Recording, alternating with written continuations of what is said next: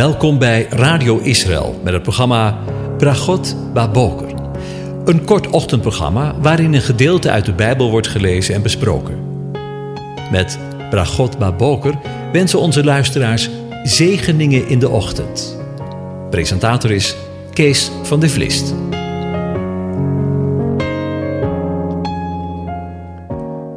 Goedemorgen, Bokatov, beste luisteraars. Vanmorgen denken we weer verder na. En dat is alweer voor de zestiende keer over Psalm 132. En ik lees de eerste tien versen aan u voor. Een pelgrimslied. Heere, denk aan David, aan al zijn lijden, hoe hij de Heere gezworen heeft, de machtige van Jacob, deze gelofte deed. Nee, ik ga mijn tent, mijn huis niet binnen, en ik leg mij op de rustbank mijn bed niet neer. Ik gun mijn ogen geen slaap, mijn oogleden geen sluimer, totdat ik voor de Heere een plaats gevonden heb, een woning voor de machtige Jacobs. Zie, we hebben van de ark gehoord in Efrata, hem gevonden in de velden van Jaar. Laten we zijn woning binnengaan, ons neerbuigen voor de voetbank van zijn voeten. Sta op, heren, ga naar uw rustplaats, u en de ark van uw macht. Laat uw priesters bekleed worden met gerechtigheid en uw gunstelingen juichen. Wijs het gebed, het gezicht van uw gezalfde niet af, omwille van David, uw dienaar. Tot zover. Over priesterlijke kleding nogmaals gesproken. We zijn het in de voorgaande uitzending al. De kleding van gerechtigheid symboliseert de waardigheid en waarachtigheid van de priesters om in de tegenwoordigheid van de Heere, de aanwezige, aan zijn, naar zijn welgevallen, hem te dienen. Het offer zal niet worden veracht, maar geëerd en met blijdschap en dankbaarheid door Gods gunstelingen worden gebracht. De gunstelingen, dat zijn de chassidim, de getrouwen, zij die trouw zijn aan het verbond. Het woord chassidim is afgeleid van het woord geset.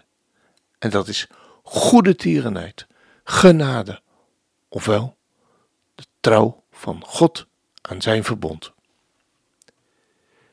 De trouw van God aan zijn verbond en niet vergissen hoor, niet de trouw van het volk aan het verbond, maar juist Gods trouw aan het verbond is de grond voor het verkregen heil. Bekleed worden met gerechtigheid betekent ten diepste dat de priesters de kenmerken van de heerlijkheid van de Heere, de aanwezige, weerspiegelen. Dat betreft niet alleen zijn heiligheid, maar ook zijn genade en barmhartigheid. Dat is de betekenis van de kleding van de priesters, zoals die in Exodus 28 wordt beschreven. Ook de bruid van Christus, de Messias, het volk van God, wordt bekleed met blinkend, rein, fijn linnen. Want het fijne linnen zijn de gerechtigheid en de gerechtigheden van de heiligen, zoals we lezen in Openbaring 18, 19, vers 8. Hier betekent de gerechtigheden de rechtvaardige daden die de bruid uit liefde voor de bruidegom heeft gedaan. Het eerste deel van dit lied uit Psalm 132 besluit met de vraag dat de Heer het gebed van de vorige twee versen niet zal afwijken. Lezen we in vers 10. Het is het gebed van uw gezalfde. Het maakt voor God alles uit wie bidt. Zijn gezalfde is hier de gezalfde zoon van David. Profetisch gezien is het Christus, de Joodse Messias, de grote zoon van David. Het is een gebed omwille van David, de geliefde, uw dienaar. David is de man naar Gods hart, aan wie hij de belofte van zijn grote zoon heeft gedaan, die eeuwig op Davids troon zal zitten. Een gebed met die verwijzing naar de zoon naar zijn zoon en naar zijn belofte kan God nooit afwijzen. De Heer Jezus is op drie manieren de gezalfde, toen hij op aarde was, nu in de hemel is en binnenkort als hij weer op aarde komt om dan te regeren. Hij is met de Heilige Geest gezalfd aan het begin van zijn openbare dienst in Israël, zoals we lezen in Matthäus 3, vers 16. Hij is de Christus, dat betekent de gezalfde. Na zijn kruisdood en zijn opstanding is hij opgevaren naar de hemel en heeft zich gezet aan Gods rechterhand. Daar heeft God hem zowel tot Heer als tot Christus, Messias, gemaakt. Lezen we in Handelingen 2, vers 36. En in Psalm 45 wordt hij gezalfd bij het aanvaarden van zijn koningschap, wanneer hij gaat zitten op de Messiaanse troon. Want we lezen in Psalm 45 het bruiloftslied. U hebt gerechtigheid lief en haat goddeloosheid. Daarom heeft uw God u gezalfd. O God met vreugdeolie, boven uw metgezellen. En over dat laatste gaat het hier in Psalm 132. We vinden hier de zoon van David, gezalfd en daarmee verklaard als de koning Messias. Hij biedt hier als zoon van David tot God op grond van wat de Heere gezworen heeft aan David. Tja, en misschien, weet u, misschien zijn het ook wel vanmorgen allemaal van die bekende waarheden die we met elkaar gezien hebben.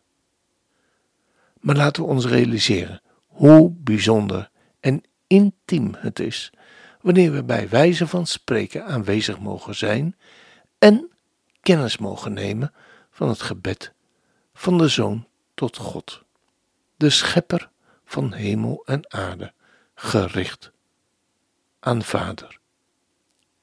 We krijgen hiermee een inkijkje in het hart van God, in zijn ziel en zijn verlangens. Hoe bijzonder is het wanneer we een inkijkje krijgen in het hart van bijvoorbeeld onze koning, Willem-Alexander, wanneer we een inkijkje krijgen in zijn zielenleven. Maar hoe bijzonder is het dat we een inkijkje krijgen in het hart van de grote koning der koningen. Tja, iets daarvan horen we doorklinken in zijn smeekbeden wijs het gebed, het gezicht van uw gezalfde niet af, omwille van David, uw dienaar. En wat een zegen dat we daarvan niet in het ongewisse blijven, maar in het vervolg van de psalm op de hoogte worden gebracht van Gods antwoord op deze smeekbeden. En als dat geen zegen is,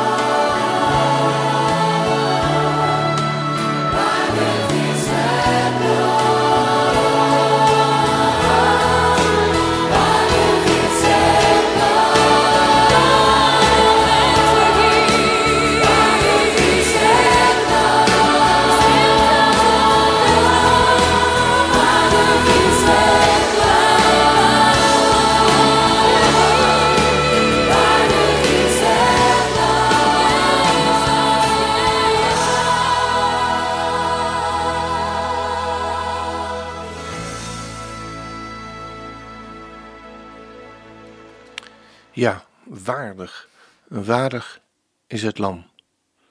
Dank u voor het kruis. Ja, en dan kunnen we in ons hele leven eigenlijk altijd maar onvoldoende Hem daarvoor te dank brengen.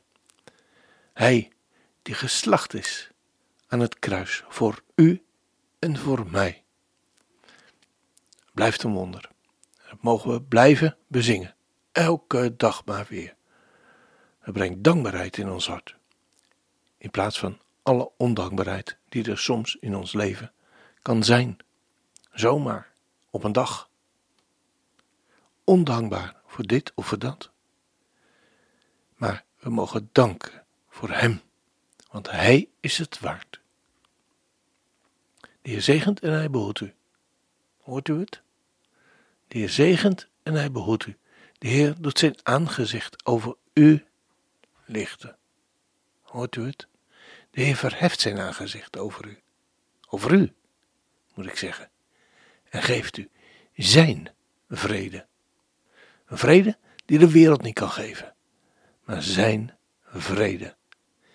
En deze shalom, wat het woord is voor vrede in het Hebreeuws, is een woord wat ook betaald betekent. Hij heeft betaald. Daar aan het kruis voor u en voor mij. Als dat geen zegen is.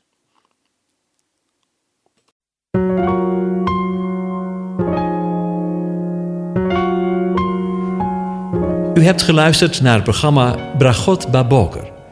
Een kort ochtendprogramma waarin een gedeelte uit de Bijbel wordt gelezen en besproken.